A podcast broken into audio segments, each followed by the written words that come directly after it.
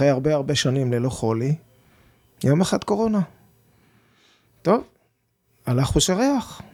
לא הרבה ידעו, ידעו שזה קורה.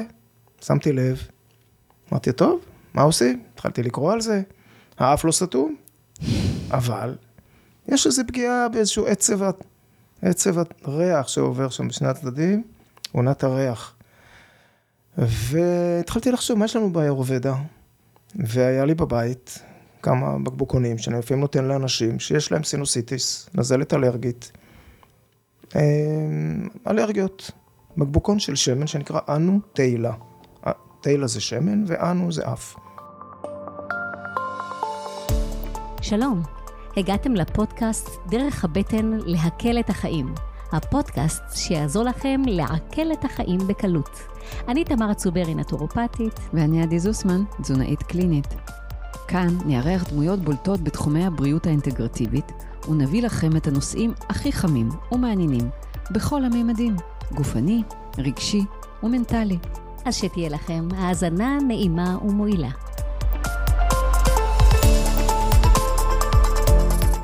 התחלת לספר לנו סיפור מאוד מעניין על הקורונה.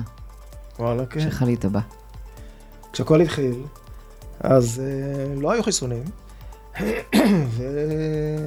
וחליתי, כן. אני רואה כמה מאות אנשים בחודש במכבי טבעי ובקליניקה הפרטית, ומה לעשות, אחרי הרבה הרבה שנים ללא חולי, יום אחד קורונה.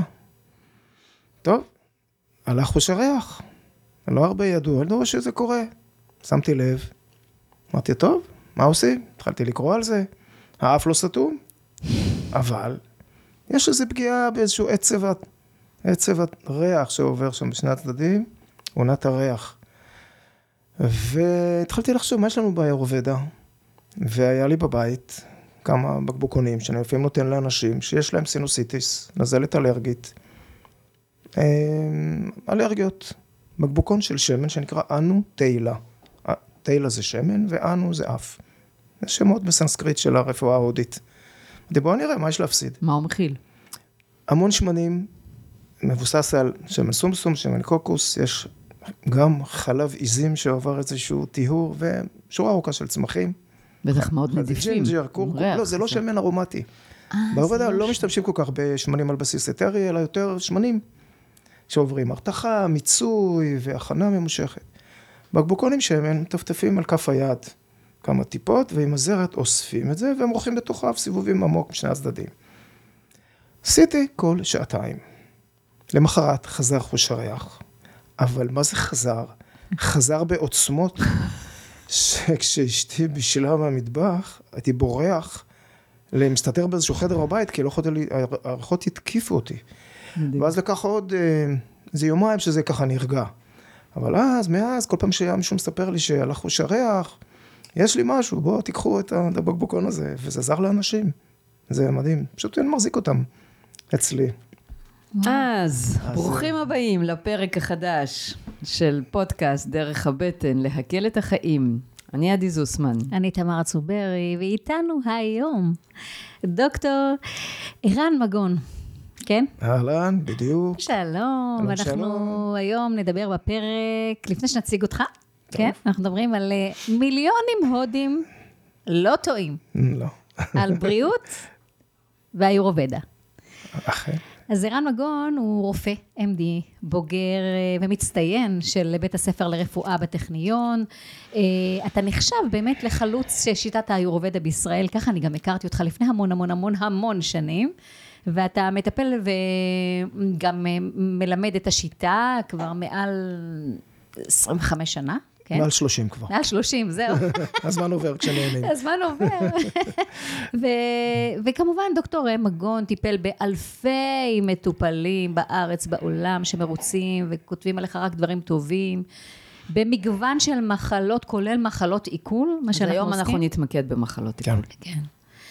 ובוא נגיד, רגע, נסיים שגם הנציג הבלעדי בישראל של האקדמיה הבינלאומית לאיורובדה. מה זה איורובדה? אוקיי, האיורובדה זו רפואה הודית מסורתית, שקיימת אלפי שנים, ויש לה איזו תחרות סמויה עם רפואה סינית, מה היה קודם, אבל זה ממש לא משנה. אלפי שנים אחורה, השפיעו אחת על השנייה כנראה. השם האיורבדה הוא במילה השפה היא סנסקריט, יש פה שתי מילים, איור, ודה, שזה ידע החיים, בעצם. ידע החיים. ודה. ודה זה ידע בסנסקריט, mm. דומה קצת לעברית, שפות קדומות, mm. ואיוס זה חיים. ואז איור ודה זה ידע החיים, ולפעמים מוסיפים גם בטקסטים העתיקים ידע החיים הארוכים, או ידע החיים הבריאים, זה איור ודה. יש לנו פה למעשה שני צדדים, יש את הצד הרפואי ויש את הצד הבריאותי. זה, זה מה שאותי מאוד הדליק בזמנו שזה מאוד מעניין שעצם זה שאתה עושה את ההפרדה הזאת. כן, זה ביחד, אבל את יודעת, יש שיטות שיותר מטפלות, יש שיטות שיותר אורחות חיים, אה, תזונה יותר, אה, אורחות חיים מסוימים, ויש טיפול. רפלקסולוגיה יותר מטפל, פחות באים למניעה, דיקור, פחות, לפעמים באים למניעה. היורד הסתם, אני בזמנו, גם היו הפרדות כאלה בזמנו, שיטות תזונה, ספורט, אה, תרופות הומאופתיות, לא, היה, לא ראיתי את הלייפסטייל בחלק מהדברים, ואז נתקלתי באיורבדה ואמרתי, או, זה בדיוק מה שאני מחפש. יש פה גם רפואה היית טבעית. היית כבר רופא? עבדת כבר כרופא? תראי, אני הכרתי את זה כשהייתי בשנה חמישית בית ספר לרפואה. וכבר הרגשת שאתה ו... רוצה משהו שונה? אז אני, אני אספר לך, אני אלך טיפה אחורה, גיל 15, היה חבר טוב למשפחה שעשה יוגה, ספורטאי, איש צמחוני, מאוד תמיד הרשים אותי. אמרתי, וואלה, זה מעניין. ואז בגיל 15 ראיתי ספר על יוגה, בדוכן הספרים. כזה מישהו יושב בלוטוס, אמרתי, אני רוצה את זה. לקחתי את זה, התחלתי לתרגל לפי הספר, לא היה, לא היה כמעט כלום בארץ עוד. היה, התחילו. תרגלתי יוגה, עשה לי טוב. אה, היה לזה בעיות גב, רצו להכניס אותי למכשיר כזה, אמרתי, בגיל 15. כן, בגיל 15 התחלתי לתרגל יוגה לפי זה. דיבר אליי משהו, אז כנראה. גלגולים, לא גלגולים, כנראה משהו קדום שהיה בתוכי. בגיל 20, בשירות צבאי התחיל להיות בום של מדיטציה בארץ, ענק, מדיטציה טרנסצנדנטלית, כתבות בעיתונים, שמעון פרס עושה מדיטציה, שלמה ארצי, כל מיני כאלה סלבים ואולמות מלאים, אמרתי, ראיתי, יש מחקרים, זה נגד סטרס, זה משפר תפקוד, זה בשבילי. עיתון הארץ, כתבת שער. הלכתי, למדתי מדיטציה טרנסצנדנטלית, סוף שירות צבאי, ואז זה עשה לי כל מיני התפתחויות אישיות של בגרויות שהייתי צריך להשלים, כי הייתי ככה, לא הייתי כזה, הייתי במוזיקה, לא הייתי כזה, את יודעת, הכל ככה ברגע, עושה את כל המבחנים ברגע האחרון, ולא לא התייחסתי ברצינות, אבל אז זה הפך לי משהו, התחלתי להתחבר לעצמי הרבה יותר. והשלמתי בגרויות, ואמרתי, צריכים עוד רפואה, מוזיקה נחמד, אבל זה לא החיים שלי, זה תחביב רציני גם היום. אבל... Uh, צריך לעשות משהו עם החיים האלה. באת מבית פולני, שבו מוזיקה זה לא עבודה. יקם. יקם דו צדדי, חמור ביותר. אוקיי, אין, לך תלמד מקצוע. הם איכשהו היו כזה סובלנים, את יודעת, אבל אה, בסופו של דבר, אה, אני הבנתי את המסר לבד. תראה, יש אנשים שמתאים להם אומנות. זה מתאים לי כתחביב, אבל לא... הרגשתי שיש בתוכי דברים שצריכים להתממש. ואז השלמתי בגרויות והתקבלתי לבית ספר לרפואה. בבית ספר לרפואה הייתי תמיד זה שעושה מדיטציה לפני המבחנים, בא עם חיוך על הפנים בבוקר שכולם לחוצים ומתעקש לעשות מדיטציה לפני שאני בא למבחן, תפקד טוב במבחנים. אמ, לקחתי את הלימודים ברצינות, אבל היה לי תמיד איזו זווית נוספת, והיה לי את המחשבה ההוליסטית, אורחות חיים, תזונה, שלא, לא, עד היום אין כמעט התייחסות בבית ספר לרפואה שיעורים בתזונה, שיעורים ברפואה הוליסטית, למרות שהזמינו אותי. לתת הרצאות בבית ספר לרפואה כשהייתי כבר רופא איורבדי. הייתה תקופה שעשו שם בבית ספר לרפואה בתל אביב אה, סדנאות, העשרה לסטודנטים לרפואה, שזה היה לי סוג בחירה, אז חלק לקחו את זה. אז אה, בזמנו היה לי בית ספר לאיורבדה בקמפוס ברושים, חלק מהקמפוס, והופניתי מטעמם, אז לימדתי שם קצת, אבל הם לא... סטודנטים לרפואה, יש יותר פתיחות בהדרגה, אני רואה את זה, שיותר לאט לאט מתעניינים יותר אמיתי. שם זה היה קצת ככה בא להם מלמעלה. אבל אני בשנה חמישית שמעתי על האיורבדה, הייתי ביוגה, הייתי במדיטציה. הפכתי צמחוני, הרגשתי שתזונה זה חשוב. ואז שלחו, מה... היה מין ארגון של המערישי, של האיורבדה מטעם המערישי, שהוא עושה, המערישי של המדיטציה הטרנסצנדנטלית הזאת, הוא כבר נפטר לפני כמה שנים. שהוא עשה, אוקיי, בוא נעשה ארגון שיביא רופאים מהודו וישים אותם בארצות אירופה וילמד רופאים. כי לא טסו להודו כל כך, בקלות כמו היום, ש... הכל ככה יותר נגיש. וגם לא הייתה כל כך פתיחות, אבל הוא שלח אותו לישראל, רופא גרמני, דוקטור אקארד מוג, עד היום אני אזכור אותו, רופא, שנתן סדנאות לקהל, הלייפסטייל. ואז שמעתי, והלכתי ושמעתי כמה שעות. על אה, אורחות חיים נכונים, על תזונה, על כל מיני דברים שקשורים. התחלתי ליישם את זה, ואמרתי, וואלה, זה טוב, עושה לי טוב. היה לי קצת אלרגי, קצת נזלות. הכל משתפר, הכל לא זה, משתפר לי. אמרתי, שמתי את זה במוח, אמרתי פה, אם אני מחפש משהו, וכל הזמן חיפשתי משהו הוליסטי. כשגמרתי את הרפואה, חשבתי, אני אעשה מחקר, אה, פסיכו, פסיכוסומטיקה, גוף נפש. התחילה נישה של אה, פסיכואימונולוגיה. Mm, מה זה פסיכואימונולוגיה? פסיכואימונולוגיה, קשר מערכת חיסון לנפש. היה לי ספר, קראתי על זה מחקרים, אמרתי, בוא האמת, מערכת החיסון, בדיוק. סטרס. לשנות את מצב הסבירה, הצבירה של הגוף דרך כן. אה, מצבים... מי אה, חשב על זה. שם? סטודנטים לרפואה, בואו נעשה גינקולוגיה, נעשה כסף, פלסטיקה, זה, כירורגיה, מה, מה? אז אמרתי, טוב, אולי אני אכנס לפסיכיאטריה, ניסיתי את הפסיכיאטריה, ראיתי את כל הפסיכוטים, אמרתי, בוא, זה לא מה שאני הולך לעשות, עם כל הכבוד, אבל אני לא בנוי לשבת חמש שנים התמחות עם פסיכוטים, ואיפה המחקר? בעצם מה שיניתי זה המחקר הזה. ואז אמרתי בית ספר, אולי, בסוף בית ספר רפואה, אולי רפואת משפחה, והתחילו קורסים, בדיוק ככה שהתחלתי לעשות כל מיני תורניות, בפנימית, בכירורגית. הציעו לי התמחות בכירורגיה, שיש ידיים טובות, ועזרתי שם לפרופסור בזה מצב חירום, אז זה ניתוח. בוא תעשה התמחות. ואני בתוך, תוכי צחקתי, כי בסדר, באיורבדה יש כירורגיה. אחד מהמקורות של הכירורגיה, זה מאוד מעניין. יש כלי ניתוח שהמציא שם אחד מהספרים הגדולים באיורבדה, נקרא סושרוטה, ויש לו את המחט העגולה שעד היום משתמשים, יש כל מיני מלקחיים, הוא היה עושה ניתוחים כשהיה צריך להוציא גידולים, לפעמים היה צריך אה, להציל אנשים. אז יש ספרים, אה, זה לא, לא כל כך בש- בשימוש היום, זה, זה השפיע על ההיסטוריה של הכירורגיה, אבל זה לא היה לי זר. מדהים. יש מדהים. היום בהודו אה, מרכז שמטפלים בפיסטולות. לגמרי. נכון. ויש שם רופא, דוקטור נכון. בת, כן. כן. בדיוק, נכון, הודי, נכון. שהוא כן, כן, גם כן. עושה את ההתערבות. הוא עושה, זה חלק מהכירורגיה, כן, כן. כן, כן? אחד מהמערכות שילב. הכבירות בנושא כן. של כן, והוא מצליח פיסורה... בלתי אה, רגיל, יש לי כן. מטופלת שחזרה ממנו, זה כמעט ועזרתי לה 100% אחר כך. הצלחה שם, זה צריך להיות שם. אבל בוא נספר כן. לכם עוד סיפור קטן. רגע, אבל איך הגעת בסוף לזה? התחילו קורסים לרופאים באירופה, היה לי איזה חבר טוב מאוד, אה, מורה למדיטציה טרנסצנדנטלית, שמדי פעם הייתי מתקשר אליו, מה חדש, יש איזה קורסים מעניינים, טוב שאתה מתקשר, זה אינטואיציה. בעוד שבועיים מתחיל הקורס הראשון לרופאים באירופה, באים רופאים מהודו, רק לרופאים. רופאים והומאופטים אנגלים, כי הוא רוצה רק מי שיש רישיון לעסוק ברפואה, אז הומאופטים אנגלים וכירופרקטורים אמריקאים. ככה זה היה, ככה זה התחיל. תחשוב טוב, יש קורס עכשיו שבועיים, רק רופאים, ואני אומר, מה אני עושה עכשיו עם העניין הזה, התמחות, לא התמחות וזה, הרבה כסף צריך לגייס, זה קורסים לא זולים. קח כמה ימים, ויאללה, הולכים על זה. ראיתי בקורס הראשון שפתחו לרופאים באירופה. תגיד, 13 רופאים. למה לדעתך לא מלמדים רפואות מסורתיות בבתי ספר לרפואה? תראי, זה, זה, לדעתי זה יקרה בסוף. אני יודע שבארצות הברית זה מין חובה, כי, אבל זה בא שוב מתוך זה שהם הגיעו למסקנה שיש את זה, ב, זה קיים, האנשים הולכים לזה, אז רופא צריך להכיר את זה, רק מתוך הפוך, לא מתוך עניין אמיתי, למרות ששוב, לדעתי זה לאט לאט, ככל. שבאים אנשים יותר צעירים פנימה, עם ראש יותר פתוח. תראה, גם אני רואה שהם באים אליי לסטאז' במכבי TV, שאני שם נמצא פעמיים בשבוע, עושה קצת מיונים ו... ופיקוח רפואי, אז באים אליי, יושבים אצלי רופאים צעירים שרוצים לעבוד במכבי TV כסוג של רופא ממיין, מייעץ וכזה, יש מין מקצוע כזה ברפואות משלימות בקופות החולים. רופאים צעירים שקצת מעניין אותם בכל זאת. אז אה, אני רואה שיש, וגם יותר רופאים רגילים מפנים לרפואה משלימה.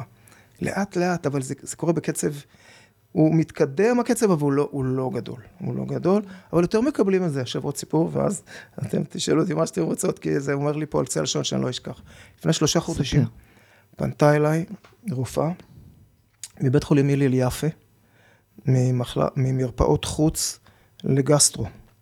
קוראים לה דוקטור אורלי אישך אדיב, מקסימה.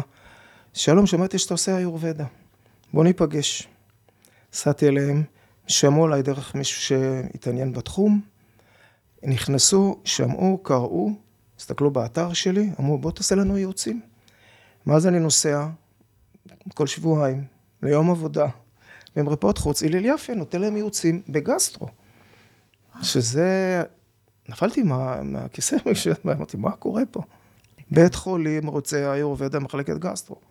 ומנהלת את זה פרופסור יעל קופלמן, מדהימה, שמעת השם. בטח, היא באה מהדסה. ראש פתוח, מדהימה, אני בא, אהלן, תבדוק לי את הדופק, מה קורה עם אבטה פיתה וכאפה אצלי, ככה היא רואה אותי, תבדוק. זהו, בדיוק, בדיוק זה השאלה. הבאה. איזה ראש באיזה, פתוח, באיזה נפלא. דרך באמת האיורובדה, למשל, אה, ב- ב- בשונה או בדומה לרפואה, נגיד קונבנציונלית או משלימה, איך היא עובדת על כל הנושא של האבחון? אז תראי ככה, קודם כל יש את האבחון המסורתי כמו הרפואות המסורתיות, ויש לי את הכובע השני שהם שניהם מחוברים לי, שגם רופא קונבנציונלי, אז אני כשבא אליי מישהו חדש, אומר, תביא לי מסמכים רפואיים, גם כל מה שיש. ביקורת, אני מסתכל, אם צריך עוד משהו, אני ממליץ, אומר, תביא מה שיש. זה מתחבר לי. ויש גם הקשרים, יש גם דברים ש... בעיקר הרבה ממסקנות שלי, איך אחד משפיע, איך, איך אחד מצדיק את השני יותר, בוא נגיד איך המדע מצדיק את האיורבד הזה, יש לי יותר ככה יש אוסף. יש היום כבר יותר מחקרים לי, בנושא? יש מחקרים ויש התבוננות בשטח. יש דברים מאוד מעניינים בזה, אז תראה, האבחון הקלאסי באיורבדה זה אבחון גלי דופק. מישוש בשורש כף היד. קודם כל אבחון אינדיבידואלי, זה כן. לא... כן. זהו, יש כללים נהדרים, זה סדנאות שאפשר לעשות על בריאות, אני יודע יש הרבה מה להגיד על בריאות כללית לכולם. כל מטופל מקבל רשימה של עשרת הדיברות של הבריאות שאני רשמתי לו, ועקרונות בישול נכונים, ועקרונות עיכול, זה כל אחד אותו דבר, קח קלסר, הנה בפנים, אחר כך נוסיף עוד דברים. ואחר כך מתחיל האבחון האישי. עכשיו, האבחון האישי, הכי הכי טוב לעשות בדופק, צריך ללמוד, זו מיומנות אה, שלא פשוטה, היא לוקחת זמן. יש לי אלפי, אלפי, עשרות אלפי אנשים שבדקתי, יש הרבה מיומנות בזה, ויש עשרות פרמטרים, שאתה מרגיש גלים בקצות האצבעות, בשכבות עומק שונות. עכשיו, מה שאתה יכול לראות שם, זה אחד את הטיפוס. הרי יש לנו את ה type של הבן אדם, ובאיורוודה הזה יש אבחון של הטיפוס הספציפי שלך, מה זה הטיפוסים? שלושת העקרונות. יש ואטה, פיתה וכאפה בסנסקריט, שזה אומר... ואטה, פיתה וכאפה. ואטה, פיתה וכאפה, זה כמו האין ויאנג של הסינים, פה יש שלושה. וגם אצלם זה, זה מין מושפע מחמשת היסודות, וגם אצלנו, וזה מעניין שכל התרבויות הגדולות... יסודות זה אש, מים, אוויר, אדמה. כן, וחלל, מרחב. אה. זה, זה שונה קצת מהסינים. מרחב זה מרחב שבו יש תנועה. זה ההסתכלות. ומצמצמים לשלוש, ושלוש זה תנועה במרחב, זה נקרא ואטה, זרימה ותנועה, טיים, דאבל טי, זה אש מטאפורית, או חום, או כל דבר שמתחיל להניע וכרוך בחילוף חומרים. תהליכים אנדותרמיים, אקזוטרמיים, האנזימים בגוף, מיצי העיכול, זה דבר שאפשר לדבר עליו, ויש structure, מבניות, זה נקרא כאפה, עם pH. וכל אחד מאיתנו, לפי האורבדה, יש לו את האחוז הספציפי שלו, כמה אחוזים יש לנו מוואטה, פיתה וכאפה, מתנועה, אנרגיה, מבנה, וזה הטייפ שלך. אתה נולד עם זה. מה שאתה אומר בעצם, שלכל אדם יש את, את, את שלושת הפרמטרים, אבל כן. באחוזים אחרים. שמשפיעים על מי שהוא. כן.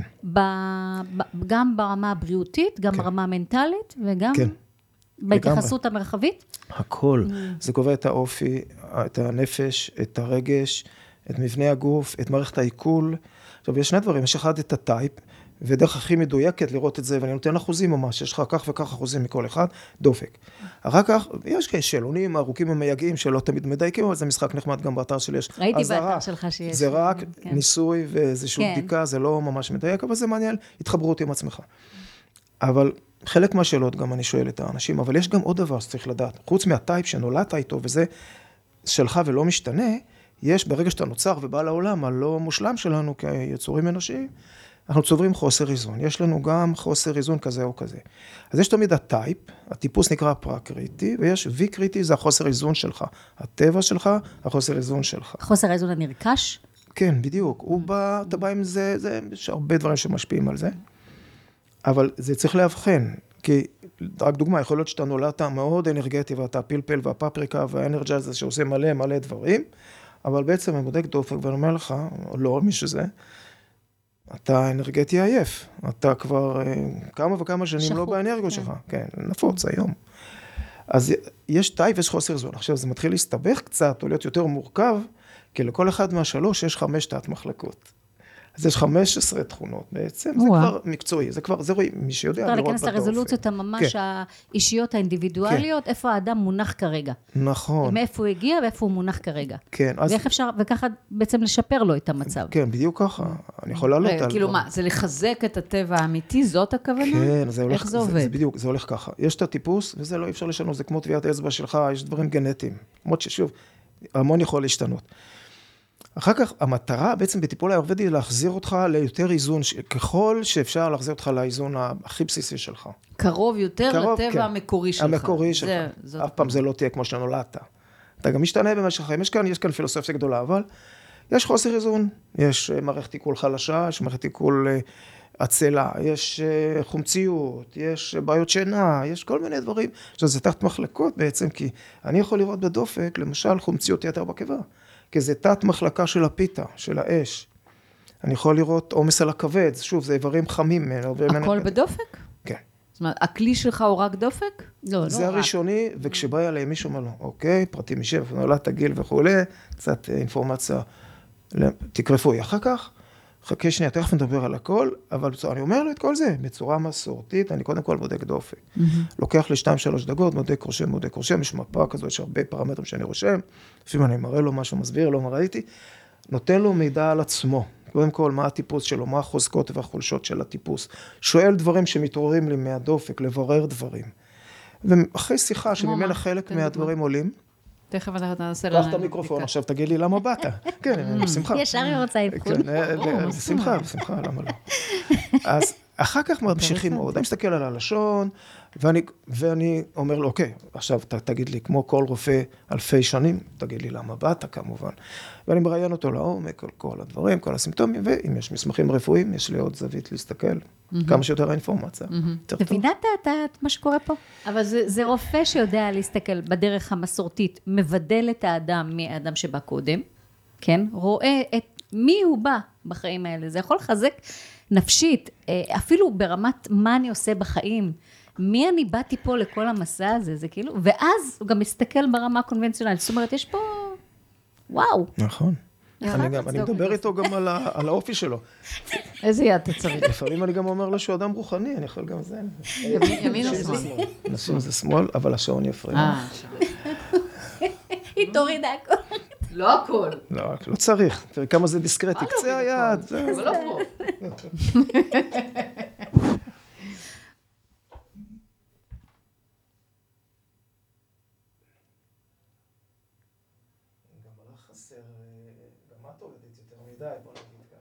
You don't say. לא מספיק. התכוונתי שיבדקו לי דופק, לא התכוונתי שאני הולכת להיחשף בפודקאסט. נקודה מחקרית. בלילה אני ישנה, אני חושבת מספיק, אבל אם אני טרודה, למשל, אני צריכה לנסוע בבוקר להקליט פודקאסט, אז זה מפריע. כולנו כך, כל הרגישים הם כאלה. עדיף להיות רגיש. כמו שתיארתי, תראי, כמו שהסברת, בדיוק יש המון, גם ישראלים הם קצת כאלה. את כמו פלפלית העייפה קצת. את, את עושה בטח מלא דברים, את אדם מאוד אנרגטי, מאוד חד, מאוד עם כריזמה, מאוד אכפת לו. זה טיפוס פיתה.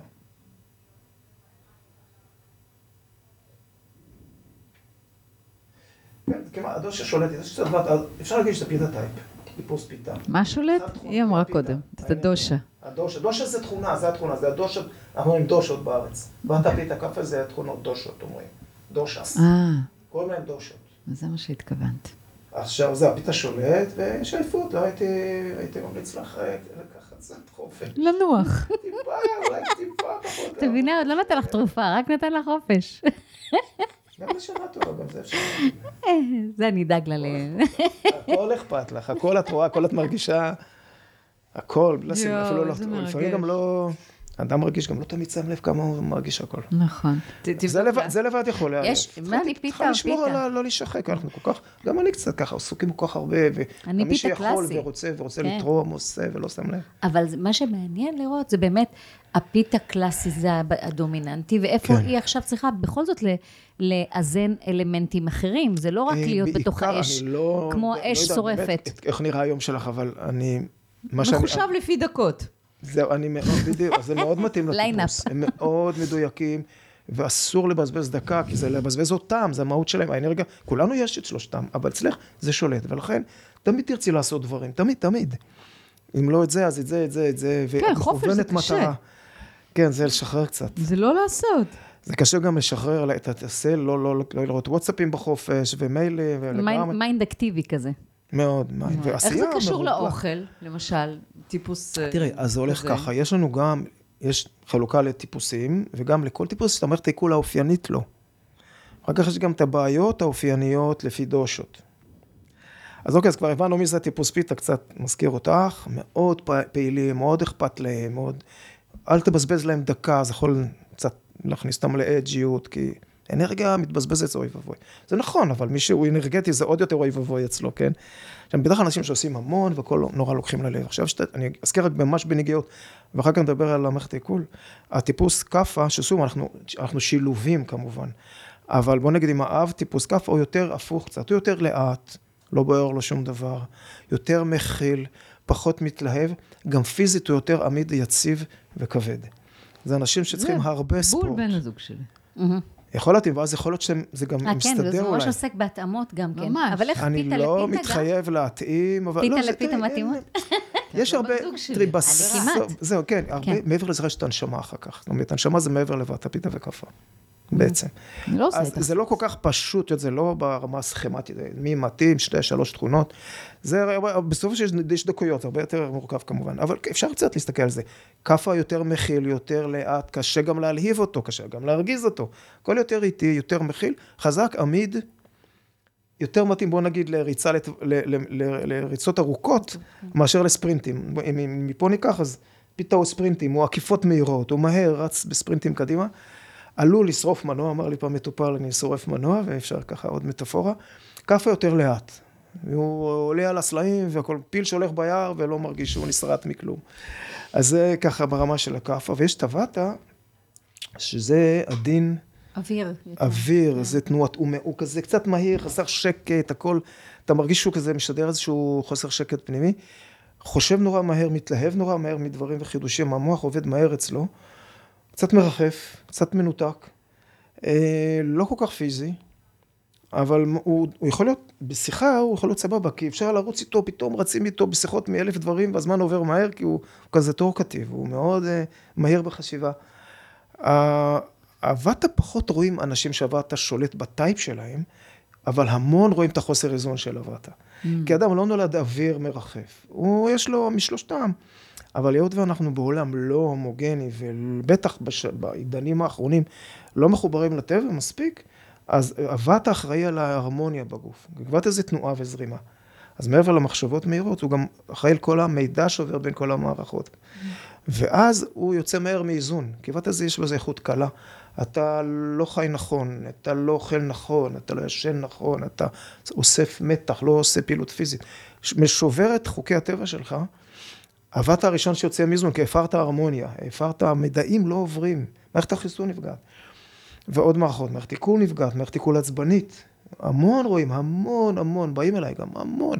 איכשהו, זה הבעיה היום, מי רגיז? וואלה. המון, המון, אין יום שאני לא רואה. וזה טוענת נורא לזה, קשור לוואטה. זה מין הפרת איזון כללית. שזה מי רגיש, רק הוא מתרגז. אני, אני, יש לי בדיחה, אני אומר, אני, קוראים לזה המעי הרגיש, ואני מעדיף לקרוא לזה תסמונת המעי הרגיש, כדי לא להרגיז את בעלי המעי הרגיז, כי הם ייעלבו. אבל זה- אז... אז- אז- אבל יש אז- כאן המון דברים. אז אדם נמצא עכשיו בכאוס שלו, לא משנה איזה טייפ הוא, כן. ואז האיורובדה מתבוננת אליו, ונותנת לו בעצם תוכנית טיפולית מגוונת, נכון? כן, אני, אני נוגע, כמו- אני, אני מתחיל משינה. בשנים האחרונות אמרתי, ואני אומר לכולם, שינה יותר, אני, זה, כולם רוצים תזונה, בטח. עוד רגע, איך אתה ישן? מתי אתה הולך לישון? כי שינה יותר חזק מתזונה. איך שינה יותר חזק מתזונה? זה המשפט שלי. כבר הרבה שנים האחרונות יותר. כי אנשים הפסיקו לישון. אני מזדהה. ו- החשמל כי- כי הזה יש להם- שיגע כן, אנשים. תמיד יש מה לעשות. והאלה שהפלפלים, הפיתות, אני קורא להם, הם פיתה עם סחוג, הם רוצים כל הזמן לעשות משהו, גם אני לא חסר לי מזה. אבל צריך לשמור על זה, כי אם אתה לא שם לב, אתה נשחק. באמת, יש כל האופציות, היום אתה יכול ללמוד, אתה יכול לעשות, אתה יכול לעבוד 24 שעות, 7, 7, 24. עכשיו, השינה יותר חזקה, כי אם לא תישן טוב, אתה נשבר הרבה יותר מהר מאשר אם לא תאכל שבוע. כי קורה משהו במהלך השינה. לגמרי. זה לא סתם. נורא נורא חשוב. השינה היא קורה? פעולה מאוד מאוד חשובה. לגמרי. ומה שבאמת האיורובדה עובדת עליה, סליחה שפשוט כן, על זה, כן, כן. זה הדיטוקסיפיקציה, ניקוי רעלים. לגמרי ה- נכון. אני. עובדת על זה המון, זה חלק נורא חשוב הריסט. מהטיפול. אבל זה, חלק מזה קורה אוטומטית בלילה. יש, אה, מערכת העיכול מנקה את עצמה משאריות מזון, הכבד עושה איזה ריסטארט, כל המערכות. זאת אומרת, זה לא סתם לישון, זה לישון בשעות מסוימות. בשעות נכונות יותר, כן. כן. אני? אני אומר קודם כל לאנשים, לגבי שינה, תלוי איפה הוא ומה הוא, וצריך לראות אה, מה אפשר להתחיל לעשות עם כל אחד, כן? לא כל אחד יכול מיד להפוך את העולם. יש כאלה שעושים לא רע, אבל הרבה, הרבה חורגים. תלך לישון היום. אני אומר, לי, אני אוהב את הבדיחות האלה. מה זה היום? זאת אומרת, היום זה לפני חצות. אה. בואו נתחיל מזה. היום זה עד, עד 24. אוקיי, נחמד מה שאתה אומר, טוב, נתחיל זה. עכשיו, אנחנו יודעים באיורבדה וגם יודעים בהשלמה המחקרית, האיורבדה גם מחלקת את היממה, את היממה לוואטה, פיתה וכאפה. זה נורא, כל ההסתכלות היא גם עונות השנה, מערכת העיכול, הכל זה בנוי על ואטה, פיתה וכאפה בעצם. כאשר הם אומרים שבכל, הם ככה כתבו בספרים העתיקים, בכל גרגר בקוסמוס, ככה הגדירו, יש ואטה, פיתה וכאפה. תלוי כמה מכל אחד. אז רגע, רגע, אני הבנתי נכון. עונות השנה, מה שנקרא, היממה. אם אנחנו מסתכלים על השעון הביולוגי היממה, של כן. היממה, אז גם השעון הביולוגי הוא מחולק לחוזקות שיש שעות מסוימות שהן יותר נכון. מחזקות ואטה, פיתה וכאפה. בדיוק. ואז אותו טייפ יודע שיש לו מחסור במשהו, יכול כן. לחזק בעיקר נכון. את השעות האלה. כן, כן. וואו. זה נורא נכון, ואני אגיד לך איפה, כמה זה נהיה פרקטי כרגע. ובואו נתחיל מ... התחלנו חצות, בואו נדבר על חצות וחצי היום, כי זה קשור כבר לאוכל, לתזונה. Okay. אוקיי. כי אמרנו, וזה מתחבר שינה ותזונה. אז לא אכנס לכל, אבל בנגיעות פשוטות. כשהשמש יוקדת באמצע היום, בזנית, בישראל זה 20 ל-12 בערך, הפיתה עולה, האש עולה, אלמנט האש כביכול, וזה מתחיל מ-10, 10 עד 2, כאשר השיא הוא בערך שם ב-12. זה הזמן, אולי אפשר להסביר שמקלט השמש או איזשהו פלקסוס עצבי שנמצא פה בעצם על הקיבה. בכל אופן אנחנו מרגישים, אמורים להרגיש תיאבון טוב שם בין 12 ל-1, אלא אם אכלנו כזו ארוחת בוקר ב-11. אז זה גם לא כך טוב. אז מי שכבר רוצה לאכול ב-11, אני אומר לו, קח איזה פרי, תחכה כבר ל-12. אל תאכל ארוחת בוקר שתסתום אותך עד 2, 3, 4. וואו. כי אנחנו רוצים את הארוחה העיקרית בשיא הכוח mm. של הקיבה. ומה זה ארוחה עיקרית? המיין קורס, המנה העיקרית, החלבון. המנה החלבונית, שידוע מהמחקר שאנחנו יודעים מהמערב, שהגוף הכי מתאמץ לפרק חלבון. נכון. רק אחר כך שומן. כ-15 אחוז יותר אנרגיה מתבזבזת על כן. עיכול אה, בשר, כן, עופות. כן, נכון. גם, גם, גם קטניות, זאת אומרת, כל החלבונים בעצם. כן. גם של הצמחונים. זוכר את המושג Specific Dynamic Action. נכנס לי בראש בבית ספר לרפואה דברים שעניינו אותי. יש עוד כמה כאלה, שמי, מי זוכר את זה? כמה הגוף מתאמץ על עיכול חומרים מסוימים. עכשיו, חלבון צריך לאכול כל יום, כמעט כל יום, צריך את המנת חלבון שלנו. צהריים, לא ערב, לא בוקר. עכשיו, כשהקיבה בשיא הכוח, אז זה אצל הפיתות, טיפוסי הפיתה, זה, הם מתעוררים מוקדם, הם רעבים ב-12, זה 20 ל-12 יכול, 11 וחצי יכול לאכול צהריים. המלצתי פעם לכמה טיפוסים, אמרתי להם, חבר'ה, אתה לא חייב לאכול בבוקר, אם אתה רעב. או תחכה ל-11 וחצי, 12, התחילו לאכול 11 וחצי, 12 צהריים, וואו, עשית לי את העניין, הם אומרים, שינית לי את החיים מאוד לטובה, אני לא... אז לא לאכול בכלל בבוקר? הרגשתי כל כך רציתי לאכול ב-11 וחצי, מה, אז אכלתי סנדוויץ', ואז כבר אין לו תיאבון עד שלוש, ואז אוכל את הארוחה העיקרית, כשהקיבה לא בשיא הכוח. Mm. זה מדהים. אבל... אה, כמו שאומרים בהרבה מאוד שיטות אחרות, שבשעות הבוקר עדיף... פרי, או איזה כן, מיס ירקות, או משהו קל. נכון. בדיוק, לא להכביד. לא להכביד, כי אנחנו תגיד, רוצים שיחזור גם באיכות, גם באיכות המזון, נגיד מזון מחמם, מקרר, יש התייחסות כן, כזאת? יש התייחסות. אבל שנייה, אני חייב שנייה, כי גלשנו רק לסגור כן. את החצות, ונחזור כן, לזה, כי כן, זה יושב כן, לי כן, פה. כן. כי גם אני, יש לי... חייבים לסגור חצות, כן, כן. פרפקציוניסט קצת, כן. בחצות עולה הפיתה עוד פעם. כמו, כמו מ-10 עד 12 עד 2 בצהריים, 12 שעות אחרי זה, זה המעגל הדושות, קוראים לו, מעגל הדושות של היממה. Mm-hmm. זה נקרא בסנסקריט דינה צ'ריה. דינה זה די, יום, צ'ריה זה צ'ארט.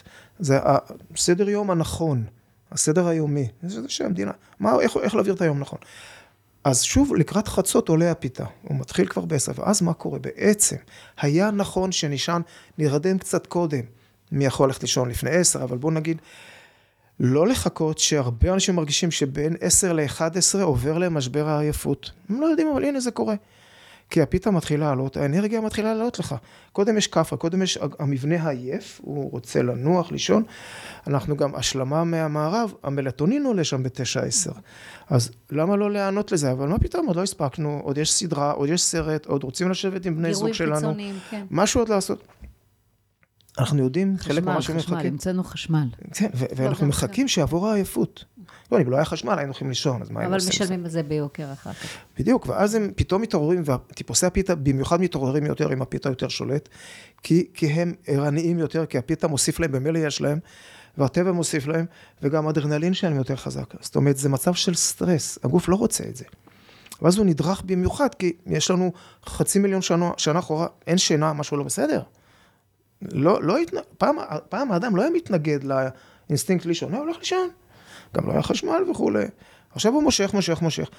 האדרנלין עולה כי זה מצב חירום קטן, אין שינה, משהו, הנמר בפתח המרע, יש סופה בחוץ, צריך להישאר ערים.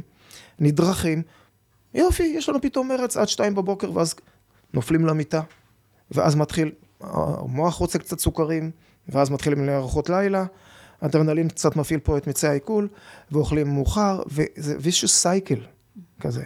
שאני אומר, אוקיי, פעם בשבוע, פעם בילוי, מסיבה, חריגות, קצת חריגות בסדר, אבל בוא'נה, כל יום ככה, לכן אתה לא בריא, לכן לא... בדיוק, כי זה פותח, לא תבריא. זה פותח סייקל להרגלים כאילו מפצים, אבל בעצם כן. הם יוצרים שחיקות גם אדרנלית וגם עיכולית. לגמרי. מה עושים אנשים למשל- שעובדים במשמרות? אני אגיד לך מה הם עושים, הם. צריכים להיות אנשים חזקים, או שהם עוזבים את זה. תראי, גם לפעמים אין ברירה, אתה רעב בלילה תאכל. גם עשיתי פעם, פעם, פעם משמרות כאלה, זה. אבל מי שמחזיק מעמד, והבדיקה שלי לאורך הזמן, לאורך השנים, אלה שעושים 20 שנה משמרות לילה, אם זה אחיות, רופאים או שומרים או אנשים אחרים, ומחזיקים איזה מעמד, זה אנשים שהם הם חצי חצי, חצי פיתה, חצי כאפה. חצי מהם, 50 אחוז מהם אנר- אנרגיה, 50 אחוז סיבולת, כאפה זה סטרקצ'ר, זה עמידות. הם יכולים, הם נדלקים קצת מספיק בשביל אדרנלין שיחזיק אותם ככה בלילה ערים ופעילים, ומצד שני יש בהם עמידות שהם יכולים את הסיבולת לעבור את זה שוב ושוב. טוב, זה גם לא כל יום, זה בדרך כלל יש נכון. נגיד שתיים, שלוש כן. משמרות אה, בשבוע, צריך, או להיות, משהו צריך איזה. חוסן, כן, אבל למרות זה, זה שוחק, ואחר כך אה, זה משבש את השעון הביולוגי. אבל בכל מצב, בסופו של דבר, אם רוצים לעשות סדר בכל ה... נגיד רוצים לעצור הרגלים קלוקלים, רוצים להתחיל מחדש, באמת היורובד- היורובדה מדברת על איזשהו פרק זמן של ניקוי רעלים וריסט, נכון? גם, גם. זאת כן. אומרת שמתרגלים בו תהליך תזונתי ספציפי מסוים כן. כדי ליישר קו, והרגלים, נכון? נכון, נכון. תראי, זה נורא מה חשוב לשלב את ההרגלים. אני מדבר עם הבן אדם על השינה, אבל צריך להסביר לו את זה, אז יש אנשים שלא רוצים לעזוב את זה, כן? מה, כל הלילה הזה אני כותב את הספר שלי, כן? יש כל מיני אנשים עם כל מיני טענות, שבעיקר, שוב, אלה שהאנרגטיים שנורא, אי אפשר לקחת להם את אבל אז הם הפעילות. מסתובבים זומבים למחרת. ואז הם לא... אבל, נגיד, נגיד אבל אוקיי, צריכים לרתום זה. אותם, נר- נגיד צריכים לרתום, לרתום אותם, אותם, כן. לפרק זמן מסוים, זמני. כן, קודם כל, כן. זמני, תעשה פיצוי לגוף שלך, נכון. כדי שתוכל בדיוק. באמת לסחוב אחר כך את המטרות שאתה רוצה. הדבר הבא שמדברים עליו באיורבדה זה הרעלים. רעלים זה מילה קצת גסה, באיורבדה קוראים לזה אמה, A-M-A, שהפירוש של המילה אמה זה מזון, בעצם תוצרים לא טובים שבאו לתוך הגוף ממערכת העיכול, כתוצאה מעיכול לא טוב של המזון. הם לא דיברו על... לא כל כך היה בורקס פיצות כן, וכאלה. הם לא דיברו על הרעלים החיצוניים, שה- כן, אלא מה שהגוף לא מייצר. עיכלת את זה טוב, אולי אוכל שלא היה, הוא כבר ישן, או אכלת כמויות, או אכלת בלילה, וזה לא, לא, תמיד דיברו גם על אוכל קלוקל מבחוץ, אבל לא היה כל כך junk כמו היום. אבל זה בא ממערכת העיכול. תראי, יש מאחורי זה גם חוכמה כזאת, אדם ממערכת עיכול חזקה, שזה יותר טיפוסי הפיתה. שלמעשה כשהם נולדו, הם קיבלו מתנה כמעט כולם. של מערכת עיכול, איך אומר, אני אוכל אבנים ומסמרים, מה, מה אתם צריכים את כל העיכול, את כל התזונה, יש כאלה. מזלזלים, כי הם אוכלים, יש, הם הולכים ופוחתים. הם, הם המיעוט שיכול לאכול כל מה שהוא רוצה ולא עושה לו שום בעיה. והם מגזימים בלי סוף. יש לי מישהו במשפחה כרגע שהיה עושה את זה, ועכשיו הוא משלם מחיר גבוה בגיל מבוגר. העניין הוא שזה זה מסוג האנשים שגם אם הם מרגישים טוב מבחינת מערכת העיכול, כן. בסוף המחיר מגיע ממקומות בדיוק. אחרים, ממערכות אחרות. שוב, בדיוק, כל דבר יש לו בדיוק. שחיקה גם כן, כן? כי אוקיי, זה לא מפריע להם בעיכול, אז ג'אנק או הכמויות שהם אוכלים, או הלילה שהם אוכלים בלילה, ומתפרעים עם זה, אבל חלק מהאוכל לא יתפרק טוב. חלק מהאוכל לא ייתן נוטריאנטים טובים, אלא ייתן את האמה, הפסולת הלא טובה, את החומרים הלא טובים, והמערכת סופגת, זאת אומרת, העיכול סופגת. זאת אומרת, אבל מערכת העיכול משפיעה בגוף. בסופו של דבר על כל כן. מערכות הגוף. היא המערכת. לפי האיורבדה, היא, אוקיי, המוח והשינה, נכון? אחרי זה מדברים המון על זה, והאמת הרבה יותר על זה. פעם אנשים לא היה בעיה, אנשים הלכו לישון, אז לא, לא דיברו, דיברו על זה, יש שם מטאפורות שחשוב לישון מוקדם והכל. אבל אחר כך הפוקוס הענק על מערכת, העיכול, והתזונה שנכנסת למערכת העיכול. קודם כל לחזק את המערכת, כדי שתוכל לעכל כמעט כל דבר, אבל אה, לשמור עליה, אבל לשמור עליה, וגם כדי שהיא תישמר, וגם כדי שתספוג את הנוטריאנטים, ושהגוף יקבל את מה שהוא צריך.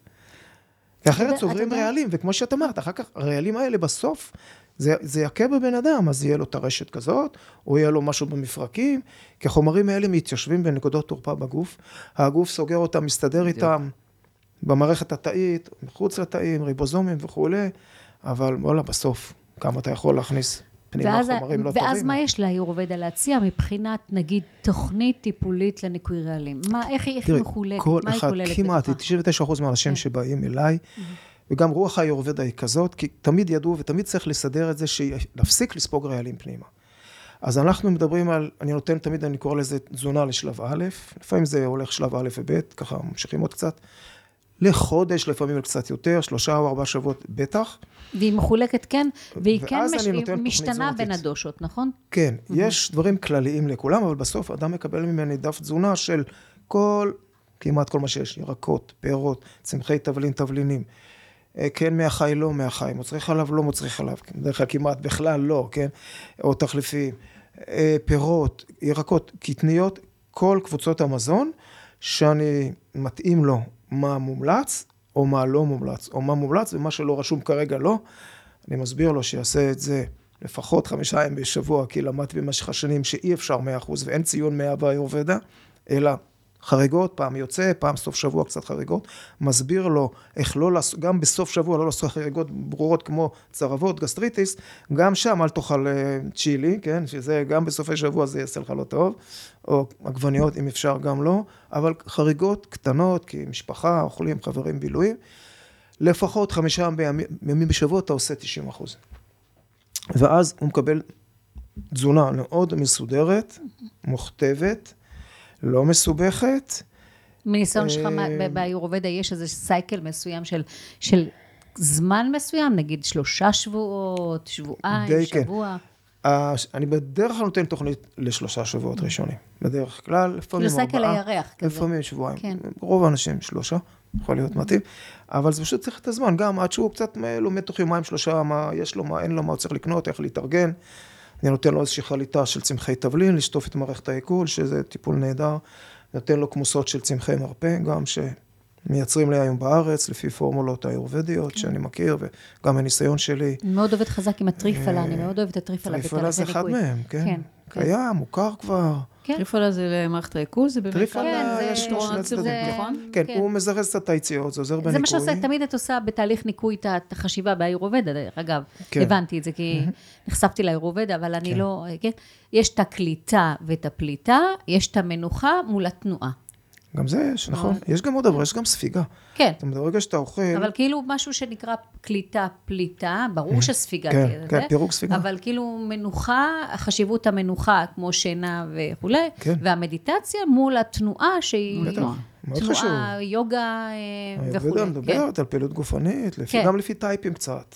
כן. גם לפי מה שאתה אוהב, כמובן. הבנתי כאילו זה קוד כזה, ואז. לפי הטייפים זה הולך. מה זאת אומרת לפי טייפים? פעילות גופנית. תראה, אתה יודע, ב- במערב מומלץ לרוב האנשים כן. לעשות אה, קצת אירובי, קצת הליכות, אה, לאחרונה באמת נכון. יוגה נכנס. כן. אבל מה מה היורבד אומרת על אז הדברים קודם כל האלה? אומרת, למה, למה צריך לעשות את זה, פעילות גופנית, מעבר למה שאנחנו יודעים, גם היום להיות חסון יותר, חזק יותר, עמיד, מערכת חיסון מושפעת מזה, וזה מפרק רעלים. הם כותבים, כמעט מתחילים עצמה. בזה. פעילות פיזית, היא עוזרת ל- ל- לרקמות לפרק חומרים לא טובים, רעלים. לא קוראים את המילה רעלים, מילה קצת, חומרי פסולת היום, בוודאי יותר קוראים. אותם חומרים. עכשיו, קצת מותאם אישית, אבל אני תמיד אומר, זה, זה, זה גס, כי זה נורא אישי. אבל אה, צריך מה שאתה אוהב לעשות. אם אתה לא אוהב מה שאתה עושה, אתה תפסיק. אבל גם לפעמים הם עושים לא נכון. למשל, הכאפה, כשהכאפה שולט, יש המון סיבולת. יש פיזיות, זה אלה שגם נמשכים יותר, ארבע פעמים בשבוע מכון כושר, פלוס אה, 20 קילומטר ריצה, הם, הם עושים יותר והרבה. סיבולת גבוהה, ואם לא, צריך להחזיר אותם לזה, כי לפעמים, הכאפה לפעמים נהיה עצלן. אין לו את ה... הוא נהיה... הוא הראשון שיהיה יותר אתלט, והוא גם הראשון ש, שיעזוב את זה, כי זה לא כך, בא לו להזיז את עצמו, ואז הוא נהיה שמן וכבד ועם ליכה, בעיות ליכה. אבל אלה שיותר בפיזי זה הכאפה, ואם לא, צריך להחזיר אותם לאט לשם. פיתה באמצע, ובאת הדברים יותר עדינים. פיתה, הוא, אם היה לנו פה סקי בארץ, הרבה שלג, היה נורא מתאים לו מים ו- וקור, כי יש לו המון חום פנימי. האש, כן.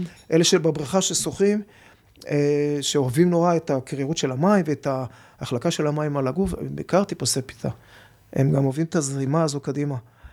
לא חייב, שום דבר, לא הכרחי. לא, אמרה, אמרה אבל, אה, אה, אה, עדי ש- שרק אה, באה מהים עכשיו. בבוקר. אה, טוב, כי התחלתי לשחות, כן, בים. אתה מבין, היא טוב עברה להם כמה ליד. הים, אבל לא. בריכה, אני לא לא, לא, לא, אוהבת. טוב להם מים, כי יש, זה מקרר להם זה את ה... קטע, יש- זה... זה- טוב להם חורשה, חורשה, אני לא ידעתי את זה. הנחל. גם חורשה עם מים. אני עברתי לגור ליד חורשה וליד ים, נו, הנה. כי הרגשתי שאני מתה כבר במרכז העיר. זה בול מתאים לך, עכשיו תהיי יותר רגועה. מכאן והלאה. אני אומרת לך, היא הפכה להיות יותר. רגועה, היא סובלת. אותי. יס, נפלא. עכשיו אני אומר, לא, זה תיזהרי. מדהים, איך כאילו ידעת? א'. בחרת בול, בחרת אינטואיציה הכי טובה שיש.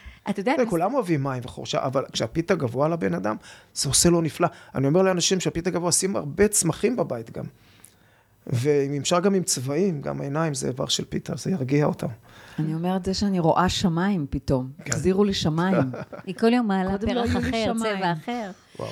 תגיד, ערן, אה, יש אה, איזשהו, אתה בא גם ממוזיקה, כן? נכון. ואני, יש לי חולשה, כי גם אני באה ממוזיקה, ואחר כך אה, הגיע אליה הקטע של כן. ה... יש הרי ב- בעולם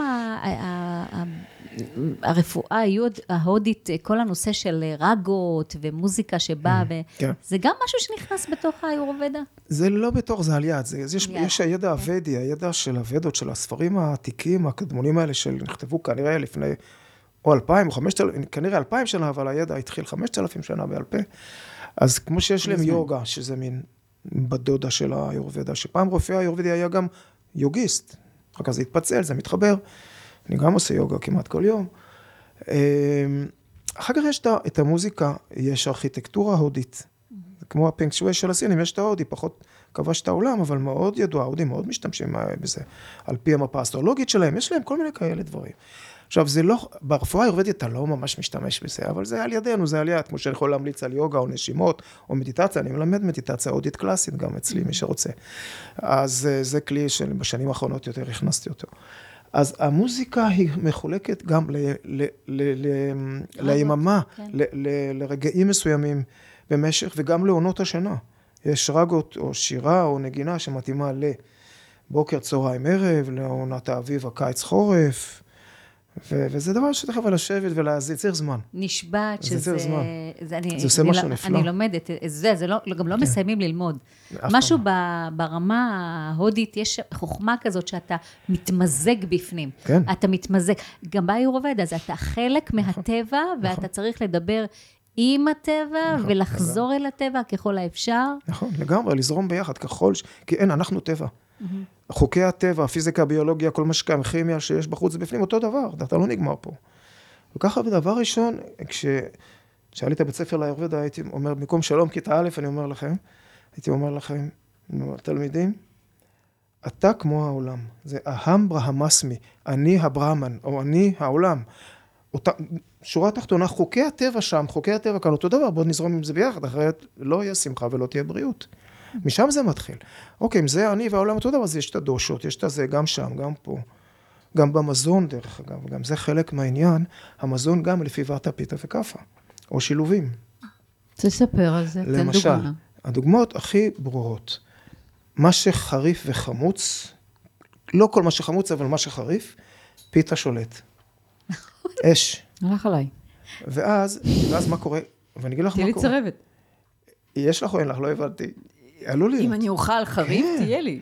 חוץ מלפעמים ג'ינג'ר, שהוא הוא שונה קצת. הוא לפעמים משפיע, ו... ג'ינג'ר אני אוכלת. הוא די מהר מתפרק, הוא לא נשאר, הוא החריף היחידי שלא מחמם את הגוף כשהוא מתפרק. רגע, אבל יש שני חריפים. יש פה- יש יש חריף יורד פה. ויש חריף עולה. החריף היורד זה החריף הסחוג ושות, והחריף העולה, נו מה, רגע. רגע. תסבירי, כן. ימנית. והחריף העולה זה החזרת, כמו של אה, אה, ווסאבי. כן. אז אני בתור רוסייה אוהבת את העולה. תסבירי עולה. מעניין מה שאת אומרת. זה נכנס לי לראש. לראש. אה, זה יוצא לי מהאוזניים, זה לא אוקיי. יורד לי למטה. הבנתי מה שאת אומרת. מה? זה כמו חרדל גם קצת. כי זה- ארומטי, אני חושב שזה ההסבר. זה מיד מוציא עדים. אוקיי. ארומטיים, ואז זה נכנס די, הרי היה, זה אם אכלתי יותר מיידית, מדי זה יוצא אה, בהבל הפה. אה, ווסאבי, וואו וואו. כן, כן, זה נכנס, או, או, או בפה כבר, זה נכנס דרך הסינוסים. כן. זה, זה השמנים הארומטיים. אני חושב מתה על שהם התחושה עושים את הזאת. זה. כן. אז זהו, יש אנשים, כשהכאפה שולט, זה יותר מתאים. עכשיו, מה קורה כשזה חצי כאפה, חצי פיתה? ואז באים אליי אלה שבמשך שנים ניהלו עסק ונשחקו, ואז מערכת העיכול שלהם נחלשה. כי בהתחלה הם לא אכלו אותה צ'ילי, זה לא מהבית. אלה שגדלו על זה, זה סיפור אחר, לפעמים או תימנים, או רוסים, או כל מיני עדות ש, שהיה להם את זה בבית, שיש גם סוג של התרגלות, גם, גם באיורבדה יש, יש ממש הסתכלות כזאת של הרגל אולי לא טוב, אבל יש התרגלות, אז הוא לא פוגע. Hmm. ויש גם דברים שגדלת עליהם, ואולי הם טובים לך, זאת אומרת, יש כל מיני דברים. אבל רק לגבי זה, אותו אחד שלא אכל חריף, ופתאום התחיל להכניס צ'ילי וכל דבר עם חריף, כי מה קורה? מערכת העיכול נחלשה. Mm-hmm. האנזימים החזקים, שיש שם pH 2.7 בקיבה, יש שם חומציות מאוד רצינית בשביל לתת מכת פירוק ראשונה, של גם של חיידקים, ווטאבר, וגם לפרק חזק את המזון, שהוא התחיל פה עם האנזימים של הרוק, אבל הוא פה חייב להמשיך בעוצמות. זה נחלש לו. ואז יושב לו האוכל פתאום כבד לו אחרי האוכל, הוא מרגיש שהוא לא מעכל טוב, האוכל לא, לא זורם לו, הוא מתחיל באינטואיטיבי לחפש להדליק את מיצי העיכול עם החריף. ומשום וזה טוב? מה... זה נכון? זה תלוי למי. ברוב, הרבה מקרים לא. כי כבר יש לו שם אולי גסטריטיס. Mm-hmm. יכול להיות שיש שם איזה קיב מתחיל. יכול להיות שמתחיל אפילו איזושהי דלקת במעי הדק, אולי קרוהן, אולי קוליטיס. ברגע שמתחילים דלקות, וכל, איפשהו, איפשהו במערכת העיכול, כולל עד למטה הדחורים, לא טוב אצ'ילי. הוא לא טוב, כי הוא פוצע, הוא ממשיך לפצוע, הוא גורם להפרשת יתר של אנזימים לכל אורך המערכת, שממשיכה לפצוע. אני ידעתי את זה. כן, אני ידעתי את זה. זה, אנחנו יכולים אה, להבין לבד לפעמים, אבל אנשים לפעמים מרגישים, והם לא רוצים להקשיב למה שהם מרגישים. נכון. לא, מה עם קפה? מה דעתך על קפה? או מה דעתה של היורבדה על קפה? איזה סוג, איזה... תראי, היורבדה, אחד המאסטרים שפגשתי אמר, קפה זה סוג של תרופה, תרופת בית. אפשר לתת לאסתמה, יש באיורבדה ענף ענק, יש צמחים בלי סוף, צמחי מרפא, אלפים, אבל יש את הענף הזה של תרופות בית, או תרופות סבתא שאנחנו קוראים, הם קראו לזה Grand Mother Pouch, הכיס של, ה, של הסבתא. סליחה, זה זוכר לי, grandmother הזכיר לי משהו אחר. שהסבתא הלכה עם, עם הכיס הזה פה, שהיו לה צמחים בכיס, זה, זה מסורת שהם ככה. אוקיי, וקפה שם? עכשיו, הם, אחד מהם אומר, תראה, זה עוזר לאסתמה קצת, זה כי זה מרחיב את הסימפונות. זה נותן אנרגיה, אז הם לא, לא מתלה... אין, אין אנטי, אני גם בדעה של תלוי למי, מי שיש לו גסטריטיס, זה יכול להיות בעייתי, כי זה מפעיל את מיצי העיכול. עכשיו, מה שקורה... גם קרונקוליטיס יש אנשים משהו. שלא יכולים להתחיל לפתוח את העיניים בלי זה, אז אני אומר להם, תלוי גם כמה, שמונה ביום, אחד ביום. וזהו, אני צריך לראות את המקרה, אני כן אומר לאלה שיש בעיה במערכת העיכול, אם אתה בכל זאת מתעקש על זה בהתחלה של הטיפול, רק עם אוכל. נכון. לא על ריקה. Mm-hmm. כי מה קורה? זה מפעיל את מיצי העיכול, ואז אין להם מה לעכל, אז שוב מתחילה הפציעה. אז המיצים מופרשים, האנזימים מעכלים את הרירית של הקיבה, הם פוצעים את הקיבה שוב ושוב. מה שנקרא, תמזער נזקים כן, לפחות. כן, אם אתה ממש חייב ולא יכול לדחות סיפוקים כן, או ללכת. כן, ואלכוהול. כן. אז, אז עוד פעם, אני אצטט מאסטרים שפגשתי, שאחד שהיה אצלי, שרמה קראו לו. איש נחמד, הוא אומר לי, אמרתי לו, מה אם פעם, זה התחיל לפני איזה 20 שנה, אמרו כל, כל יום כוס יין אדום, זה בריא, זה זה. אחר כך כבר ראיתי שהמחקרים מומנו על ידי היקבים כן, בצרפת. כן, בדיוק. ולמה למה במקום, והפרדוקס הצרפתי ששותים יין ואין להם כולסטרול, זה לא בגלל האלכוהול. זה אולי בגלל הענבים, אבל גם רומנים שותים וגם איטלקים, ואין שם פרדוקס, יש להם כולסטרול. ואז הייתי בצרפת וראיתי, הייתי אצל משפחה חברים איך הם אוכלים. הכל לאט, כמויות קטנות, לא, לא ממהרים. נכון. הארוחת, צרפת נסגרת. זה קדוש הארוחה, ואוכלים בנחת ובשמחה, ואוכל טרי, ועשבי טיבול, ולכן אין להם כולסטרול, לא בגלל שהם שותים יין. עכשיו, מה קורה? שאלתי אותו, אז מה אתה אומר על זה? אז הוא אומר, תראה, זה, יש קצת אלכוהול בזה, אני אומר לו. אז הוא אומר לי, גם קצת אלכוהול זה רעל. כי זה אתנול. ככה הוא מסתכל על זה. זה נכון. אז מה אני אומר לאנשים, מה, מה זה אלכוהול? עושים חיטוי לפני הזריקה, עושים חיטוי, זה לא מזון. זה עושה לך שמח. בסדר, עכשיו, זה הכל עניין של פרופורציות. אם זה שתייה חברתית, של, כן, בדיוק, תלוי מי זה, מי שעל קיבה ריקה זה יכול מאוד, או באמת לעשות איזה בעיה, אנשים רגישים, משבש להם את החשיבה. אבל אם יש, שוב, דלקות, מערכת העיכול, מאוד צריך לשים לב. כי זה שוב, או פוצייה מיידית, או מכאיב, או מפעיל את מיצי העיכול. לכן גם לפעמים שותים אלכוהול עם אוכל או אפריטיב, כי זה מפעיל את מיצי העיכול, אנשים מחפשים כל הזמן. אבל באיורבדה, יש לנו צמחי תבלין בשביל זה. יש איזה משהו שאפשר לעשות, אה, לשתות לפני או בזמן הארוחה, איזה חליטה של ג'ינג'ר, או כמון עם ג'ינג'ר, או שומר בסוף שעוזר לגז, אם אפשר. לתת דברים שוב, זה כל שבמקום העבודה, האלכוהול... כל העבודה, מה שגדל בטבע ויש לו תכונות אופי שיכולות לעבוד עם המרכיב האנושי. ולתת לו ערך, כאילו ממש, אה, אנחנו לא- הפורמולציות הן חלק מאוד מאוד יש חכם שם. פתרונות, יש כן. גם פורמולות ממש של כמוסות, יש לי כן, כמוסות כן. לצרבת, זה, כן. וכל דברים פשוטים של איזה חליטה עם איזשהו צמח שיש בבית, או איזשהו תבלין, כמון, שומר, זרעים, כן, אצלך באתר יש. ממש תרופות סבתא שם, כן, אני. נותן שם לצרבות, לגזים, כן. לכבדות אחרי האוכל. כשדיברנו על הטיפוסים, אני נזכר שלא אמרנו בסוף, שלכל טיפוס יש יותר את הנטייה שלו בבעיות עיכול. אז ואטה, אם הוואטה שולט אצל האדם, או בעיות ואטה, זה יותר אי שקט במערכת העיכול, וגם כזה ברבורים, רעשים, המעי הרגיז מהסוג הזה של לא צרבות, אלא יותר תופח לו גזים כלואים, נפיחות, בורבוריגמוס. עצירות. מה? זה נקרא בורבוריגמוס. בורבורים, בדיוק. כי זה עושה את הרעש של כן, בור, הרעשים, בור, בור. הברבורים, כן. וגם נטייה לעצירות. אלה הבעיות יותר של ואטה. יובש בצואה ותנועה לא, לא פריסטלטיקה, לא טובה של המעי הגס, ואז הצואה גם נתקעת וגם יבשה, כי ואטה יש יובש בוואטה. אוקיי. הפיתה, כשהפיתה שולט, צרבות, דלקות, יש להם נטייה לדלקתיות באופן כללי. וגם קשור לכעסים ותסכולים, כי הם הראשונים שהכל לא מסתדר להם מספיק כמו שהם היו רוצים, האש עולה מהר. זה כמו, ואז כמו גם- מה שנקרא, גם בעיית עיכול אה, פיזיולוגית וגם בעיית עיכול החיים. עיכול של החיים, כן, כן. האמת שנכון, כן, כי הם רוצים, הם רוצים הכל, הם, הם, גם מצליחים לפעמים בזה, זאת אומרת, הם טובים בלהיות מעורבים כדי לעכל את החיים ולקחת את א' אבל אם ולהפוך יש אותו כבר. שחיקה, אז צריך לחזור שנייה אחורה, לעשות reset, ואז זה אה, היה כדאי. לחזור כן. ל... אז אם, אתה רואה יותר אנשים עם, צרבות, גסטריטיס, דואודניטיס, דלקות דרכי עיכול עליונות, זה יותר פיתות. יותר פיתות. הקרוהן זה מין שילוב, קרוהן זה הולך הרבה יותר עם סטרס דאגנות. ואתה תמיד דואג, יש משפט עתיק, ואתה תמיד דואג, זאת אומרת, אם אדם, הוואטה יצא לו מאיזון, או שיש בו הרבה ואטה, הוא יותר דאגני, יותר סיכוי שיהיה לו קרון. כי שם זה יותר התייבשות של הרירית ואיזה מין... יש אבני מרצפת קוראים לזה, יש הצורה של הרירית של בקרון, היא נהיית כמו מין... אבנים מוזאיקה. ש- מוזאיקה, כן, מין גם ככה מוזאיקה, הגדירו. רואים את זה בקולונוסקופיה. ו- נכון, ו- וגם יש סוג של דלקתיות, אבל זה גם קצת פסיכוסומטי כנראה, ואז, ואז מערכת, כשמערכת החיסון יוצאת משיבוש ואיזון עצמי, והיא תוקפת את עצמה, את- הגוף עצמו, זה בעיית ואטה. זה שיבוש בהרמוניה. ואחר כך קוליטיס, דלקת במעי הגס, המעי הגס זה איבר של ואטה, אוקיי? יש שם הכי הרבה תנועה והכי הרבה מרחב. נכון. זה חלל גדול. וקוראים לזה הבית של ואטה, הרבה ואטה יש שם. שם הגוף שם את הוואטה, כי הוא צריך לספוג את המים ואת המינרלים ולייצר צואה ולדחוף הכל החוצה. הרבה תנועה והרבה אה, ייבוש של הצואה. שם יש עודף ייבוש כשזה עצירות. כשיש שם דלקת, קוליטיס, אז זה, אני, אני לא, אני קורא לזה ברוח האיורבדה, הרוח- הפיתה תוקף את הבית של ואטה. האש, הדלקת, תופסת את האזור של הוואטה. אז יש שילוב של ואטה ושל פיתה. אה, ככה זה, ככה האיורוודה מסתכלת, אז זה קצת מורכב, איך נוצרת המחלה.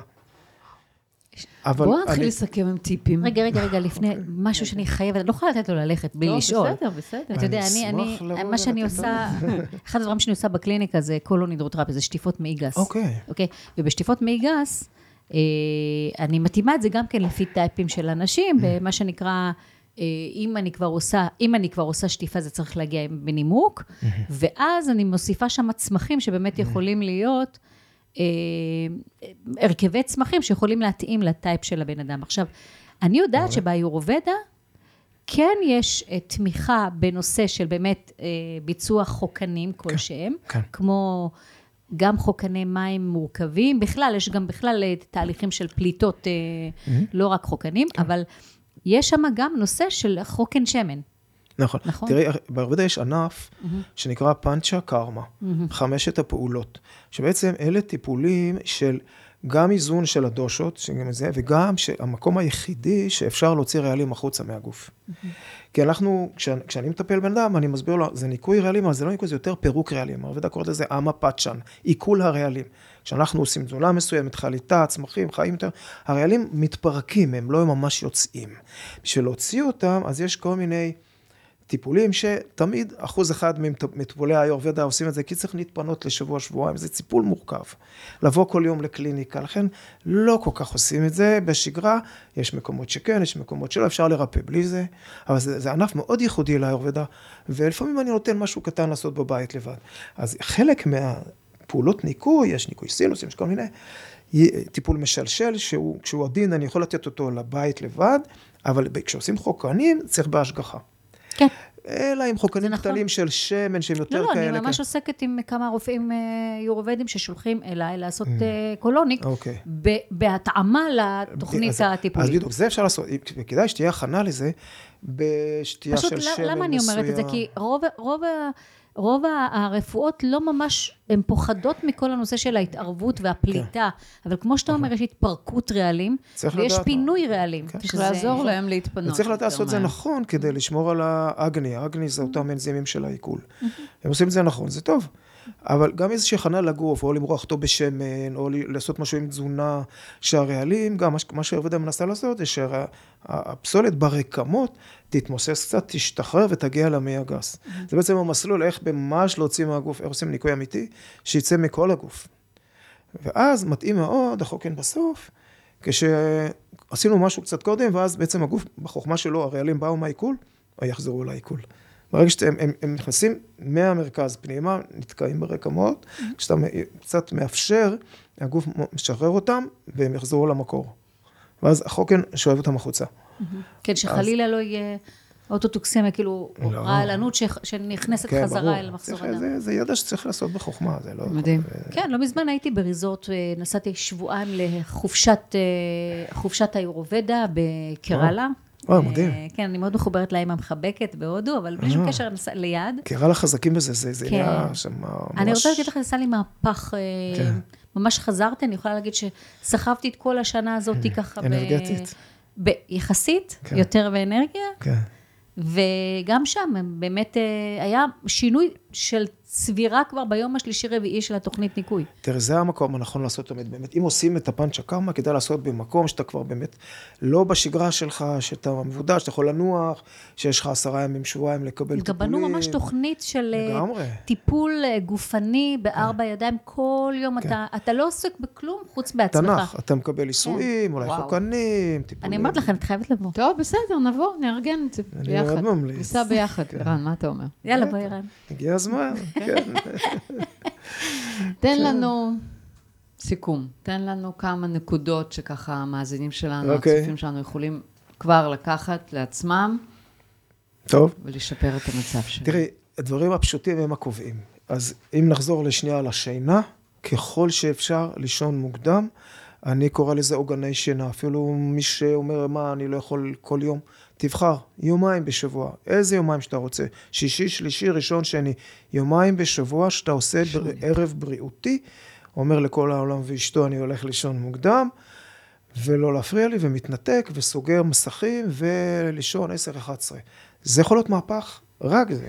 זה דבר אחד. מרגיש אותי לשמוע אותך, כן. קודם כל שנה. זה כן. חזק. אתה יודע, זה כאילו חמלה, אתה אומר, בן תתחיל עם משהו, ואז... תן לעצמך גם, כן, מגיע לך. זה עכשיו, ולגבי הרגלי אכילה, גם אני מתחיל בזה, גם בדפים שאני נותן למטופל, לאכול לאט. משנה מה אתה אוכל, אבל תהיה לך אוכל הכי מתאים לך, הכי אורגני, הכי טרי, הכי... אבל אם אתה בולע את זה, חתיכות שלמות, ואתה ממהר והראש במסך או בטלפון, לא עשינו כלום. זה נקרא mindful eating. mindful eating, לגמרי. יש, אני, אני מסביר לו, יושב איתי, כן? אתה רואה, יש כאן כפתור על המסך, כפתור פלא, לוחצים נהיה שחור על המסך. מדהים, לא? מדהים. משהו, לא ידעת. קח את הטלפון, תעיף אותו, כשאתה אוכל, גם במשרד. אני ממליצה לשים מוזיקה לפעמים שקטה. אפשר, כן, עדיף, משהו. ואז באמת ליצור ככה... כי זה עוזר להרגיע. לעבור למערכת הפרסימפטית. מוזיקה בסדר. מוזיקה אתה יכול לשים. אבל כן. לא חדשות ולא לעבור על... תהיה שם, כי החושים, כל החושים, מדהים. מאפיינים לך את מצעי העיכול בסוף. אוקיי, אז לישון, לאכול בנחת. לאכול לאט, לאט לאט, ממש, לא לבלוע מוצקים, ללעוס, מספיק כדי שהכל... להשתמש בשיניים. שיניים, כן, לא לבלוע את האוכל. אחר כך אה, אוכל טרי, מאוד מאוד חשוב. אני, מבחינת בישול, אני אומר ככה, לבשל או כל יום או יומיים, פשרה מסוימת. לא יכול לבשל כל יום יומיים, תקפיא. סקר, third best, נגיד, אבל גם כשאתה מכניס למקרר או לפריזר, להכניס חם. לסגור את האש, לחזור אחרי 20 דקות, שזה חם אבל כבר לא רותח, אתה יכול כמעט לגוע בזה, תכניס לקופסאות למקרר או לפריזר. קופסאות זכוכית או קרמיקה, לא כן, פלסטיק. נכון, נכון. לא, זה חשוב, אנשים לא כן, מבינים, כן, הם חושבים כן. שרק אני אסור רק. לחמם לא, בפלסטיק. אסור לאחסן אוכל לא, נכון. אמיתי, כן. אם הוא לא יבש, בפלסטיק. מסכים לגמרי. הודים מסכימים איתי. ואם אפשר בלי מיקרוגל, אני זרקתי אותו מזמן. להפשיר כזה דבר. קצת קודם, מי שמפשיר זה לחמם קצת מים. היה לי פעם תלמיד שאמר שצריך לבדוק את הקרינה של המיקרוגל. מי מזמין טכנאי לבדוק? אף אחד לא. כלומר שהיה בצבא, בא פעם טכנאי לבדוק בחדר, והוא ברח מהחדר, איפה שהמיקרוגלים. הוא פחד להיכנס מרוב ש... בקיצור, אם אתה כבר משתמש במיקרוגל, זה הורס את האוכל לדעתי, אבל אה, תבדוק פעם קרינה פעם בשנה. אבל אפשר בלי זה, כלום, לא צריך מיקרוגל, באמת לא צריך. וואו, מדהים. לא צריך. טוב, נראה לי אה, שזה דברים שאנשים יכולים אה, וואו. אה, כן, וצמחי. תבלין ותבלינים. נורא חשוב. לא אבקות מרק, לא, ממש לא. חס וחלילה. ורק- גם אלה ללא מונוסודיום. לא, לא, לא, לא, זכרתי לא. שזה קיים. כאילו. כמון, קורקום, את לא ג'ינג'ר. אורגנו, בזיליקום, טימין, קורנית, אה, כוסברה, מי שאוהב, שמיר, פטרוזיליה, לס- לשים עשרה, קינמון, הל, מוסקת, שיהיה מלא ריח בבית. עכשיו, כל תבלין שאתה היום שם בגוגל מחקרים, שלא נדבר על קורקום שבערך 30 אלף יוצאים כבר. כן, יש לנו אה, זה, יש לנו פרק שלם על הנושא של אה. קורקום וקורקומין. ונגיע למחלות. בוא נספר לך סיפור מעניין. יש לי פטנט עכשיו, מועמד לפטנט, קורקום עסיס מים, שחיכיתי שייצרו בארצות הברית בתוך ספרי, בבקבוקון קטן, לריסוס לגרון נגד כאבי גרון. נכון. רגע, פטנט שלי. נספג? הוא מרסס לח- לחטא מקומית. אז לא בעצם, צריך שיספק. זהו, זו השפעה חיטוי, מקומית, כן. לוקאלית. אה, זה מבוסס מדהים. על תרופת סבתא שלמדתי מאחד הרופאים של המערישי, שאומר שמים קורקום על מחבת, אש קטנה למטה, להיזהר, יוצאים עדים, לנשום אותם, אותם, על כן. המקום, זה זה מדהים. גם בתימן עכשיו, יש היה, כאלה כן. שלא יכולים לסבול את זה, אמרתי, אני אמציא משהו. לקח לי חמש שנים בערך. סיפור נורא ארוך, עכשיו בקיצור זה נמצא באמזון עכשיו. יא, יש לזה פטנט. ואני, לא- יש לי חבר שאומר, אני שלוש פעמים ביום, הוא שם את זה ליד מברשת השיניים, צ'יק צ'יק, רק חיטוי למניעתי. אנחנו נשים את זה פה ב... אני בכיף, זה, אני. כל כך מבסוט מהדבר הזה. ברור, כן, כן, גם מדהים. בקישור יהיה את האתר, איך כן. להגיע אליך, איך ליצור איתך קשר. אתה יודע מה? אפילו שישתעשעו לקבל שם את השאלון, אפילו רק ככה לקבל... אה, זה, זה פותח לה את הראש. לפחות, להסתכל. אבל יש שם גם תרופות סבתא. יש הרבה ידע. וואו, כן. האתר מעניין מאוד. ו... דוקטור. ערן מגון, תודה. רבה שבאת להתראיין. אין לי טיים. וואו. אני תמיד שמח לדבר על היורבדה. 30 ומשהו שנה, אף פעם לא משעמם לי, ואני תמיד מתלהב מחדש. כזה כיף. לא רק מתלהב, אתה גם גורם לי להתלהב. וגורם לה להתלהב. צריך לנסוע לקרלה. יאללה, ביחד, אני מארגנת. הבאת לי את החשק. אז תודה שהייתם כן. איתנו. אני הייתי אתי זוסמן, דרגו, שתפו, האזינו, תלמדו בעל פה. תודה רבה, ערן. תודה אני רבה. תמר צוברי, להתראות. תודה רבה שהאזנתם לפודקאסט דרך הבטן להקל את החיים. אז אם נושא הבריאות האינטגרטיבית בנפשכם, מוזמנים לעקוב אחרינו, דרך הכישורים במדיות השונות, פייסבוק, אינסטגרם ועוד, לדרג חמישה כוכבים את הפודקאסט. ולשתף את השפע הזה עם משפחה וחברים. אני הייתי עדי זוסמן, תזונאית. ואני תמר צוברי, נטורופטית. להתראות בפרקים הבאים.